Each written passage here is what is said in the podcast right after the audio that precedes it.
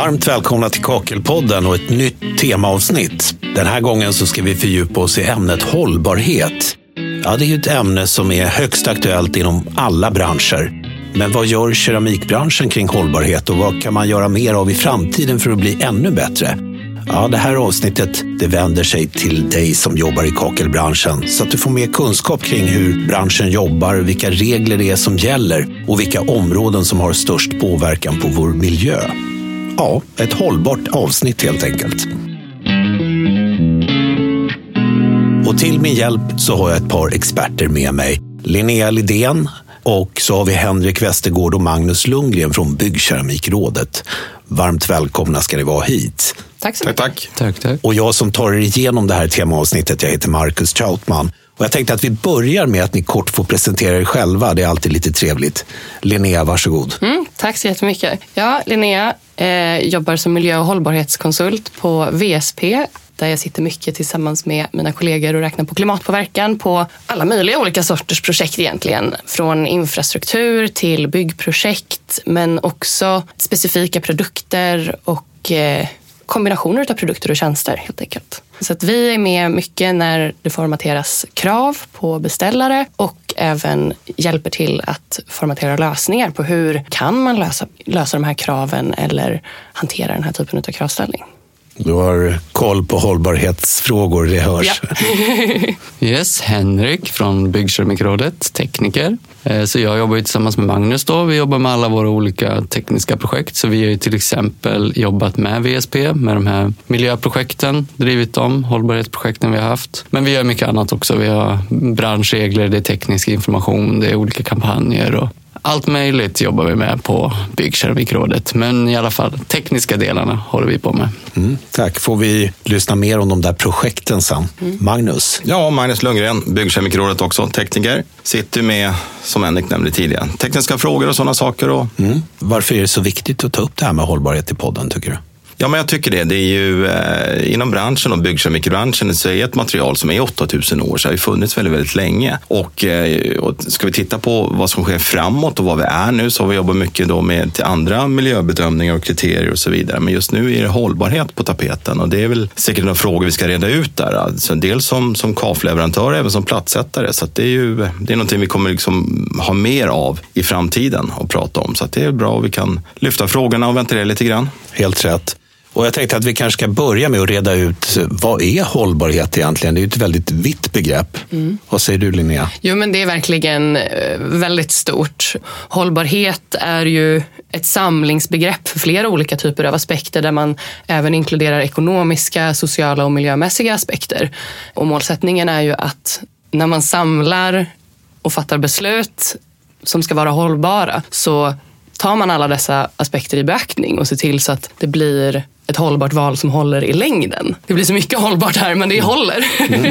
Eh, men det, det är väl det som är det, är det grova. Och sen så finns det ju Brundtlandkommissionen och det finns massa människor som har skrivit under och FN och ja, brett. Det är framförallt viktigt ur det perspektivet att man idag kan ta beslut som inte påverkar framtida generationers möjligheter att lyckas.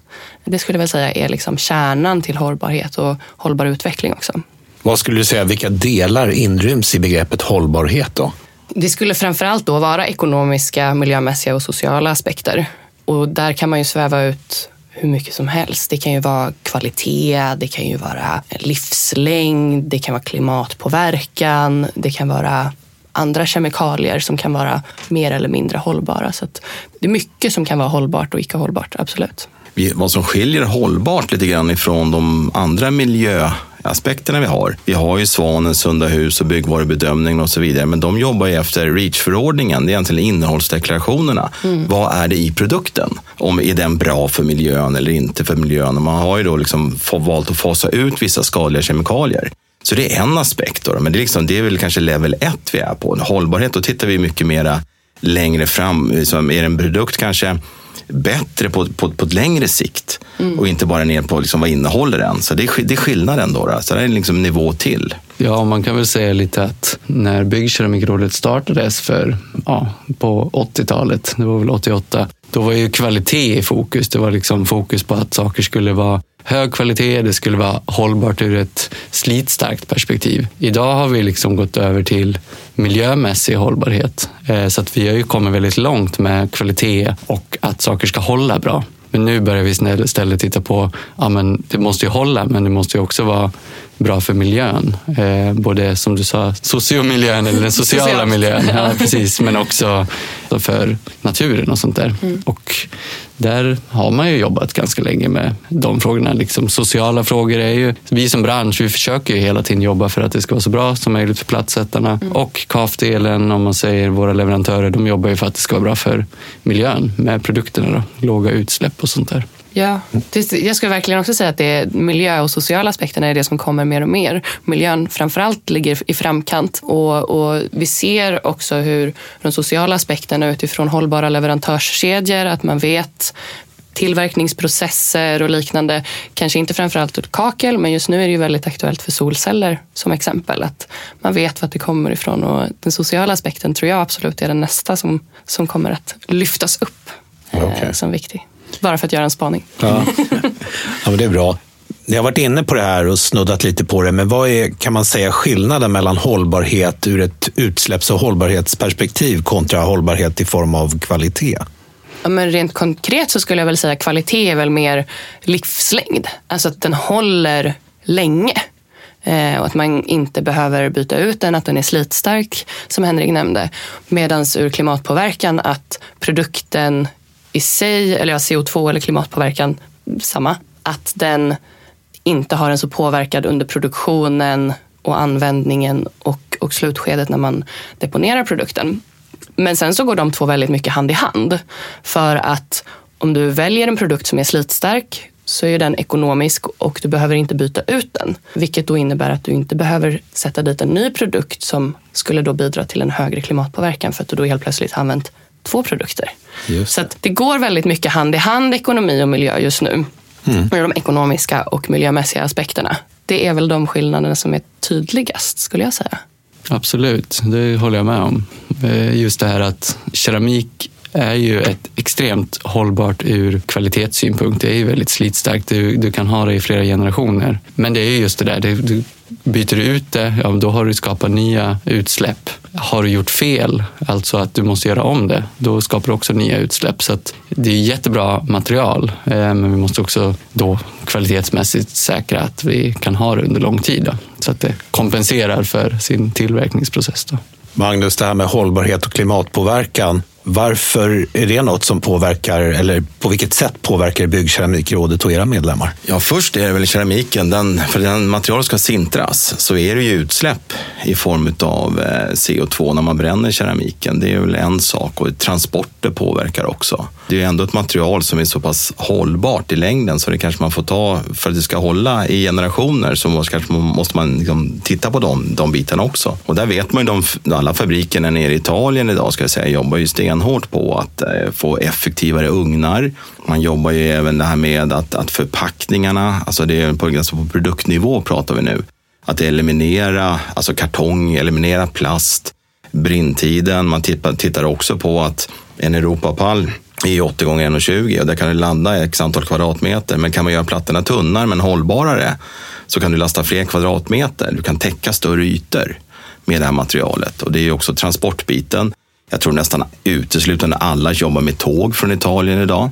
Man, man, eh, det, man kör inte med lastbil. Det, det förekommer såklart, men jag menar, den större delen för att det är ett material som är lämpar att åka med tåg. Så det, det, det är de bitarna också som man jobbar på. Sen tittar man ju på Italien på ugnarna. Man går över på vätgasdrivna ugnar. Man har eh, naturdragsdrivna motorer som driver generatorer. Och man har solceller. Man jobbar ju mycket på sånt för att liksom dra ner den här, jobba med grön energi till den här eh, sintringen av keramiken.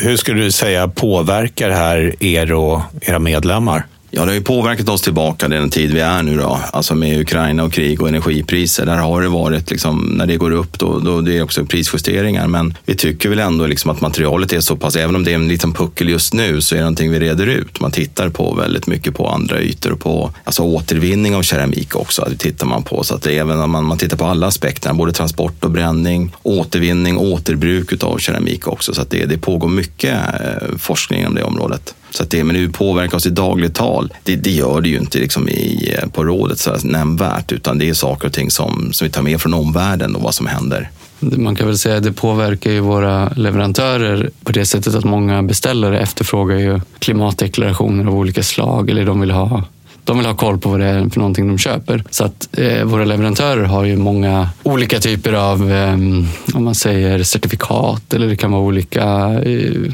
sådana här EPD och, och, olika dokumentation för att bevisa sådana här saker. Så det har ju varit mycket jobb för våra leverantörer att, att leva upp till alla de här olika, ja, jag vet inte vad man ska kalla dem, men olika dokumentationen för att bevisa hur materialet är och sådär. Ja, du droppade lite grejer här som jag känner mig lite vilsen. Eh, klimatdeklaration, EPD, LCA. Ska vi börja med klimatdeklaration? Vad är det för någonting? Klimatdeklaration, eller lagen om klimatdeklaration, kom 2022 och det är att byggherren behöver sammanställa klimatpåverkan på byggnaden. Alltså lämna in en slutsiffra på vilken klimatpåverkan i CO2-ekvivalenter som bygget har haft. Och idag så omfattar det inte utskick som är kakel och klinkers utan enbart stommen som det är just nu. Sen så finns det planer på att utvidga den här lagen inom en ganska snar framtid till 2027 att även infatt, omfatta utskikten mm. Eh, och samtliga material. Det ligger nära och det är där då som man behöver det här EPD eller miljövarudeklarationen som är ett papper på en produkt som säger att ett ton av den här produkten eller en kvadratmeter av den här produkten har den här klimatpåverkan. Och så får man räkna ut, göra en enkel matteövning om att då blir det så här mycket om vi använder så här många kvadratmeter kakel eller klinkers eller betong eller fix. Men än vet vi inte riktigt när det här kravet kommer. När omfattningen på klimatdeklarationen kommer förändras förutspås till 2027 generellt inom, inom det området. Men garanterat innan 2030, mm. absolut. Men innebär det att plattsättaren som, som gör ett badrum eller badrum i en fastighet måste ansvara för det eller är det byggherren som ansvarar för det övergripande? Eller? Byggherren ansvarar för det övergripande. Sen tror jag nog att det kommer i praktiken falla ner till den som kör dit materialet vilket då blir plattsättaren. Den behöver få med sig från sin leverantör klimatpåverkan på den produkten som den har med sig. Och det är därför Byggkemikrådet är i framkant. Vi har redan nu på vår hemsida, där kan man klimatberäkna sitt badrum. Mm. Och det är ett samarbete vi har gjort tillsammans med VSP, mm. där man har gjort en, en räknemodell där man kan lägga in då varifrån du köper ditt kakel, din fästmassa, var någonstans du är i Sverige, vilka transporter och så vidare. Då kan du få uträknat hur mycket då CO2 som det här badrummet har släppt ut eller i transporter. Då, då. Mm. Så du kan redovisa det till byggherren. Mm. Det är väldigt bra. Så redan nu så har vi, alltså, den finns klar och upplagd, det är att jobba med. Då, då. Yep. Mm. Så det, är, det är up and running det systemet. Mm. Och vill ni veta mer om det så är det bara att kontakta oss på Byggkemikrådet så kan vi visa er. Antingen via telefon, via bkr.se eller info.bkr.se. Ja. Jag ska tillägga angående det verktyget också en väldigt bra start för att identifiera vilka aspekter som man som platssättare har, alltså vilka miljöaspekter som är stora just för att kunna vara i framkant och se vart man kan plocka lågt hängande frukt som är en stor klimatpåverkan. Så att den är, även om man kanske inte behöver rapportera till sin byggherre idag kan det vara spännande att bara gå in, testköra ett varv och se, aha, det är transporterna som är den absolut största klimatpåverkan som jag har idag. Och sen så kanske få några idéer om hur kan jag ändra min, mitt beteendemönster? Kan jag kanske effektivisera transporter? Borde jag kanske välja ett annat kakel, ett annat fix?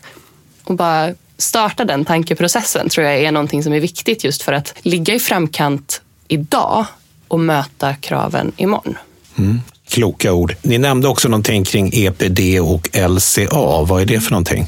Mm.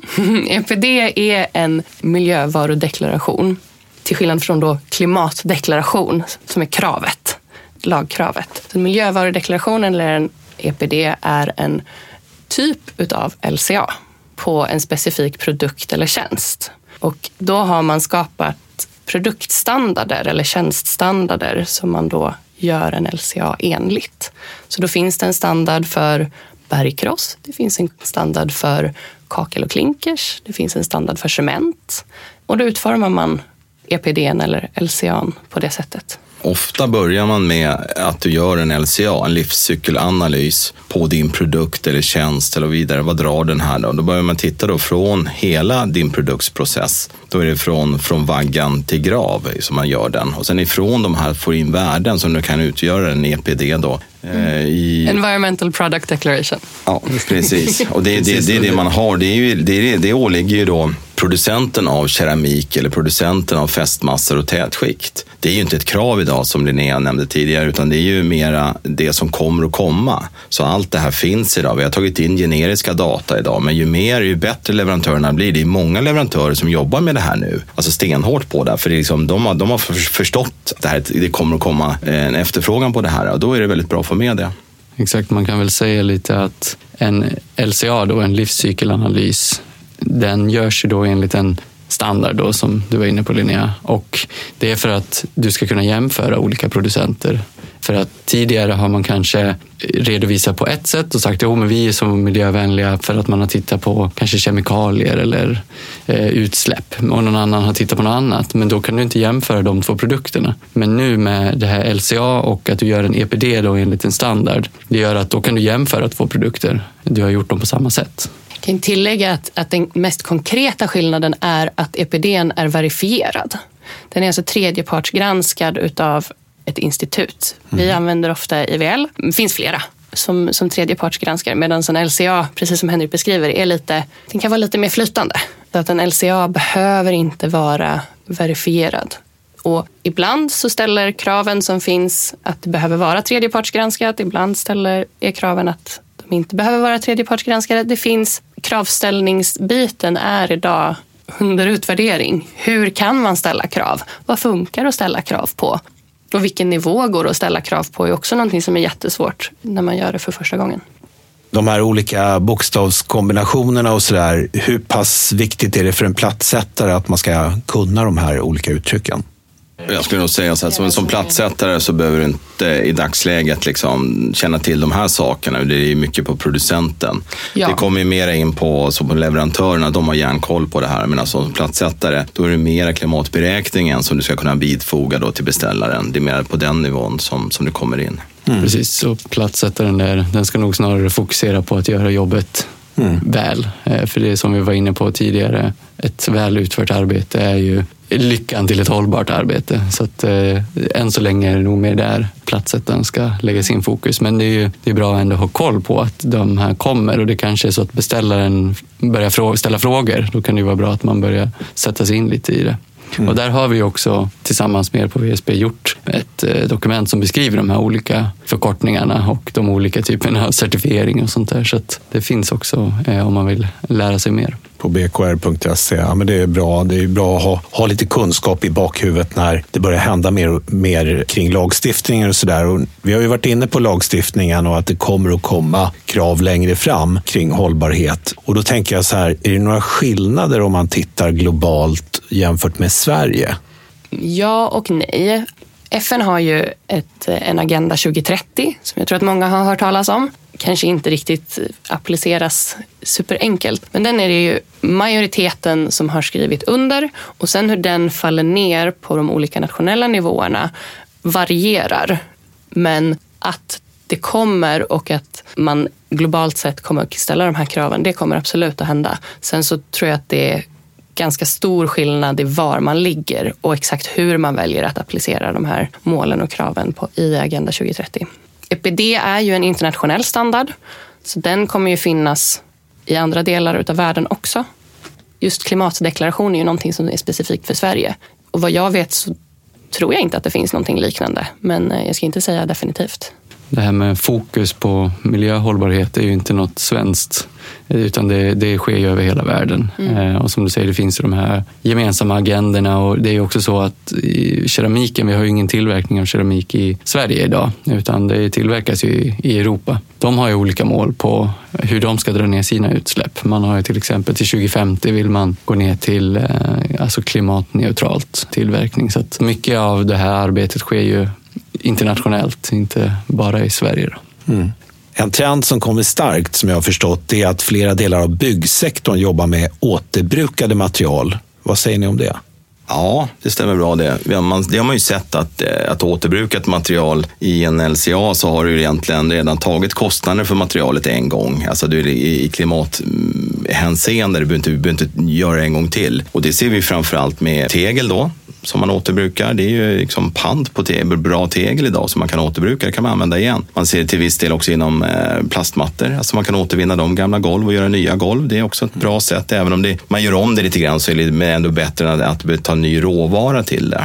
Och eh, ser man inom keramikindustrin så, jag menar, vårat material när vi rivit ett badrum, det används ju då kanske inte som nytt kakel för det går ju ofta sönder, men det används ju då istället för inert material, alltså nyproducerat material. Man behöver inte spränga berg och krossa det. Och man kan använda det som vägfyllnad och sådana saker. Så att man på ett, på ett nytt sätt kan man återbruka det på det stora hela nu de sista åren har man ju sett att kan man ta loss kakelplattan eller inte sätta fast den med lim så kan man lyfta upp den och det ser man ju på de här två centimeters plattorna som lösläggs idag på terrasser och altaner och sådana saker. Och det, är ju, det kan man ju ta med sig och sälja sen igen. Alltså det, är ingen, det har ju inte hänt någonting med materialet. Men ser vi nu, nu är det vår, nu ska alla ut och tvätta sina all, all, träaltaner. Det ska liksom, då läggs det ju kemikalier och, och mögel bort och det ska högtryckstvättas. Det läggs massa energi för att göra rent det där. Allt det här underhållet, det, det slipper man ju då med keramiken för det, det är ett bra material ur den hänsyn och det håller länge. Du behöver inte byta altaner efter 10-15 år utan här har vi material som håller i hur länge som helst. Och i, i, i teorin där också kan du ha en gammal keramisk mm, löslagd terrass så kan du ta upp dem och byta färg på dem eller sälja dem på Blocket eller någonting annat. Så det, är, det, det, är det man jobbar med. Men återbruk är en stor del. Man försöker hitta lösningar på det. Mm. Det låter ju väldigt bra. Eh, jag har hört om en form av roadmap 2050. Eh, kan ni hjälpa mig lite och berätta mer om vad det är? Mm, ja, men det är egentligen den eh, keramikindustrin i Europa eh, där man vill eh, dra ner på utsläppen för tillverkningen. För eh, keramik har ju en ganska hög Eh, utsläpp vid tillverkningen. Det går åt mycket energi för att tillverka keramik. Sen har vi då istället en lång livslängd då, så att det kompenseras ju på den långa livslängden. Eh, men där vill man ju då reducera tillverkningskostnaden. Så till 2050 vill man då, då vill man vara klimatneutral. Eh, och till 2030 så ska man också minska med 55 procent av de utsläppen man har idag. Första steget är biogas och sen vill man gå till vätgas. Och vätgas det kan du få från vindkraft eller du kan få det från eh, vattenkraft eller du kan få det från eh, olika solceller så kan du skapa vätgas. Och vätgas kan du ju, kan du ju liksom lagra mm. på ett annorlunda sätt och då blir man ju väldigt klimatneutral där. Och så vill de ju satsa på, de vill ju ta in koldioxidinsamling och man vill satsa på elektrifiering också också. Så att eh, de har en ganska stort arbete framför sig, men de, de jobbar ganska hårt på det. Det är ju väldigt positivt att det jobbas bakom kulisserna. Precis. Ja, och jag tror de dyra eh, energipriserna som kommer nu, eller som är just nu i Europa, kan vara en eh, katalysator för att just lyckas med den här typen av innovationsförändring. Historiskt sett så har man sett att det är ofta en av de största anledningarna till att man lyckas göra den typen av omställning. Mm. Vilket är, ja, jag håller tummarna för att man lyckas i alla fall. En svår fråga kanske, men hur hållbart kan man säga att ett nyrenoverat badrum är? Det beror ju lite på hur länge du har tänkt ha badrummet. Mm. Eh, vi har sett när man jämför mot till exempel massagolv och sånt där att ehm, efter 50 år så är det mer hållbart att ha ett keramiskt golv än att ha ett massagolv till exempel. Men det är ju alltid helt beroende på vart du är, hur stort, varför du ska ha det, vilken funktion och sådär. Men efter 50 år, om du har, kan behålla samma golv, då är det oftast väldigt bra. Så det, det, det, är alltid svårt att veta. Du måste ha någonting att direkt jämföra mot. Mm. När man jämför med andra material så är det lite grann att jämföra ett pingisresultat med ett tennisresultat. Det, det, det, det är svårt att göra det för det beror på vad det är, vilken omfattning och så vidare. Men generellt det är ju inte något som är svårt, men våra material är ju oftast väldigt lättstädade. Så det behöver mindre kemikalier, du behöver inte göra om det. Du behöver liksom inte slipa eller lacka eller polera eller, eller någonting sånt, utan det, det är vad det är redan från början. Men alltså på, ju längre du har materialet, desto bättre blir det. Och jag menar, vissa, det finns ju ingen bortre gräns idag för keramiken. Tittar vi tillbaka i gamla utgrävningar i Kina eller var det nu är någonstans, ja, men du hittar ju keramiksaker som är flera tusen år gammalt. Så det är ju, och där är ju en hållbarhet då. Menar. Men har du andra material som du kanske måste renovera oftare, så kanske vissa material har man en livslängd på 10-15 år, ja men då får man riva ut det igen. Då får man lägga in ett nytt material. Efter 10-15 år igen så river du ut det, så kanske på en livslängd på 50 år så har du rivit ut ett annat material tre gånger, medan vårt material är fortfarande outdrivet. Då, då. Och vad det innebär med transporter och miljö och du ska bo och flytta, liksom, det, det drar ju jättemycket kringkostnader. Mm. Om du ska renovera badrummet var 15-20 år eller av olika anledningar. Så det, är ju... det känns som att det ligger mycket i konsumentens ansvar också. För idag jämfört med kanske för 20, 25, 30 år sedan, då gjorde man ju ett badrum eller ett kök och sen så levde det väldigt lång tid. Nu är vi lite mer benägna att göra om lite oftare. Det har vi ju också sett att det här har ett bra renoverat badrum. Då är det oftast inte liksom att eh, det går sönder, att du måste riva, utan det är för att man vill skapa lite ny trend, man vill renovera lite. Och det har vi också sett, alltså är det nödvändigt att riva ut allting? Det finns ju lösningar idag, du kan sätta keramik på den gamla keramiken. Mm. Då slipper du egentligen liksom den här, det är ju inte jättemiljövänligt, men du slipper ju riva bort och få massa material att riva. För är det material som är hyfsat nyrenoverat och det är fräscht och alltså, det finns ju längre livslängd på tätskikt och fästmassor idag. Men en, kanske utseendet och modet på keramiken. Så det är väl det som styr lite grann idag också. Att man, man, nu vill man ha ljust och fräscht och nästa vill man ha lite varmare färger och så gör man om dem. Några år igen så ska det vara ljust och fräscht igen och då så byter man. Då. Ni har ju pratat om lite olika steg från födelse av keramik platta eller tillverkning tills eh, man plockar bort det så att säga. Vilket område är minst hållbart idag? Är det själva tillverkningsprocessen eller? Ja, ja man, jag gjorde faktiskt ett exempel på eh, vår miljösnurra som vi har på hemsidan som man kan prova. Och I det exempel jag gjorde på 7 kvadratmeter badrum så är 75 procent materialkostnaden och sen så är det då transporten av materialet hit till Sverige. Då. Jag tror ungefär 10 procent kan man säga är, i det här fallet som jag gjorde då, entreprenörens utsläpp. Mm. Men så det är ju 90 procent är ju, om man säger materialet. Mm. Ja, som enskild platssättare kan man ju inte påverka sådär jättemycket utan det är bakåt i ledet. Så är det. Men för att tillägga det som materialet, apropå att Roadmap 2050, då kommer det ju inte längre vara så då kommer det inte längre vara materialet som har den största klimatpåverkan i det nya badrummet. Där är det ju en förändring på väg. Precis, det är sant. Då, då har vi ett nytt läge och det, då kommer man ju börja intressera sig för att kapa de utsläppen. Precis. Det, det är uppenbarligen en, en, förändring på väg, även om det idag ligger eh, stor klimatpåverkan i just produktionen. Mm. Så känns det som att branschen är fruktansvärt medveten om att här går det att göra åtgärder. Mm. Här kan man göra en förändring. Ja, men det är väl helt rätt också att gå på de delar där det är minst hållbart så att säga. Mm. Ja, när man använder vår eh, beräkningsmodell på hemsidan så kan man räkna väldigt enkelt räkna fram hur mycket CO2-ekvivalenter som ett badrum släpper ut. Och eh, tittar man den och jämför med någonting annat, då kan man ju säga att ett eh, badrum idag som görs i Stockholmsområdet, det motsvarar en flygresa till Malaga tur och retur. Så det är ungefär lika mycket då. Och så det, det är vad man ligger på i, i CO2-utsläpp. Kan man skippa en resa och göra om badrummet istället? Ja, det tycker jag absolut. Mm. Stanna hemma och göra om badrummet istället. Det är bättre för miljön. för ett badrum det håller i 30 år, men den resan, det gör du bara med pengar och den är borta en vecka kanske. Så att det, den håller bara en vecka, den resan. Ja. Ni har ju berättat att ni på VSP och Byggkeramikrådet har eh, jobbat i lite olika projekt. Kan ni berätta lite mer om det? Precis, och lite utifrån just det här att det finns så många olika typer av de här organen. Det finns sunda hus, det finns eh, byggvarubedömningen, det finns EPD, LCA, alla begreppen. Eh, så började vi egentligen med att göra en rapport eller en, ett dokument som egentligen beskriver de här olika delarna och hur det påverkar vår bransch. Då. Eh, så det första vi gjorde var egentligen rapporten som beskriver det. Det är ganska tydligt då. Sen jobbade vi vidare just med det här med hur ser det ut för keramiken idag med livscykeln kan man egentligen säga, lite förenklat så. Eh, så vi har en rapport som beskriver det. Och sen så tog vi också fram det här verktyget för att beräkna utsläppen på badrum då, som alla har möjlighet att gå in och göra. Det låter ju onekligen spännande att kunna göra sina egna beräkningar där. Mm. Det är kul. Jag tycker att det är jätteroligt. Men för att tillägga det, det första dokumentet som vi tog fram angående alla olika begrepp och, och vad de omfattar och innebär den går väldigt, väldigt högt och lågt. Så att om man är intresserad utav lagar, utav vad som händer på, på, med EUs taxonomi bland annat eller Agenda 2030 och vad det har för inverkan så, så finns även det inkluderat där såväl som BVB, Basta, Sunda hus. Så att den högt och lågt verkligen för att skapa en, en, en så bred överblick över vad, vad allt det här innebär för Byggkeramikrådet och, och alla era medlemmar. Så den är en, en liten bra handbok. Tycker jag i alla fall. Mm. Bra material att förkovra sig inom det här området helt ja, klart och precis. klä sig inför framtiden. Ja.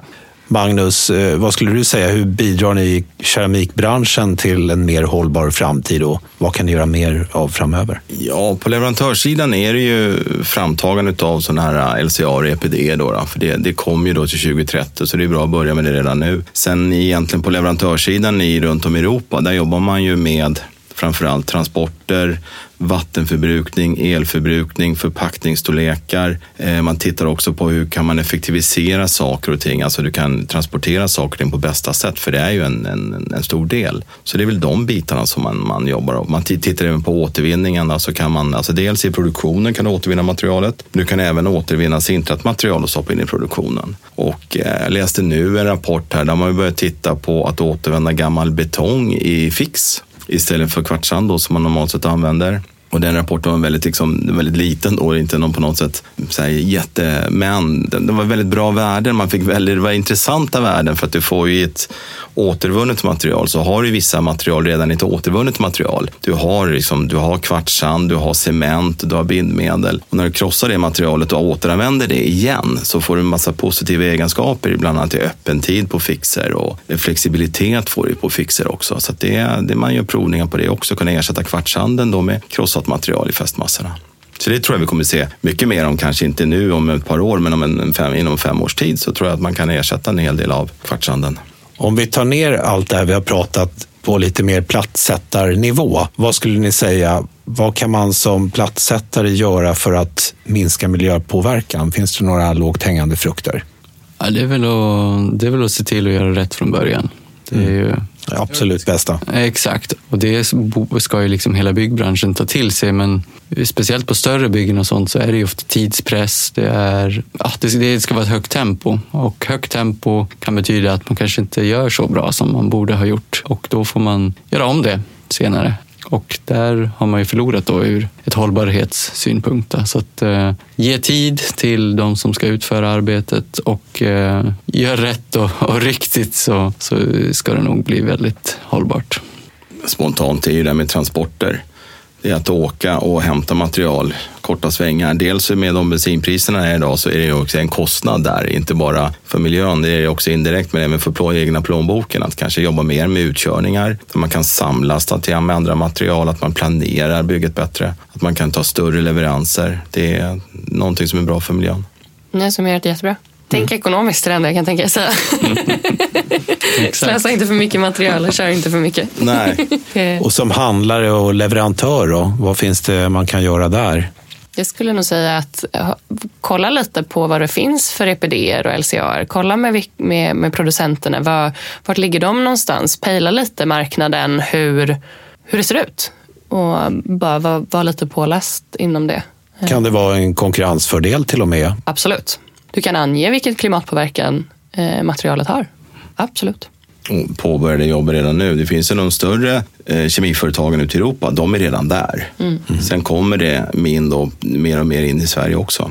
Så att det är bara, bara en tidsfråga innan liksom, kravet kommer och då är det bra att vara förberedd. Mm. Ja, men och sen att man säljer produkter med hög kvalitet som både designmässigt och funktionsmässigt håller länge. Då får du en längre livslängd på projektet.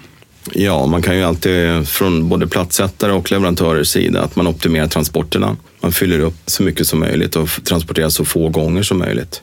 Exakt. Och sen tycker jag man får inte heller glömma bort att vi har ju gjort mycket i branschen. Alltså det, även om det är mycket fokus nu så har det ju ändå varit, det har ju pågått i flera år och eh, man har ju sedan 2000 faktiskt minskat utsläppen vid tillverkning med 45 procent. Så att vi har ju gjort saker och vi har ju ökat kvaliteten och sånt där. Så att även om, vi, om det är mycket framåt så, så måste vi ändå komma ihåg att vi, vi har gjort mycket bra hittills. Mm. Ja, ibland måste man stanna upp och titta i backspegeln för att faktiskt se hur mycket man har åstadkommit. Det var ju imponerande siffror.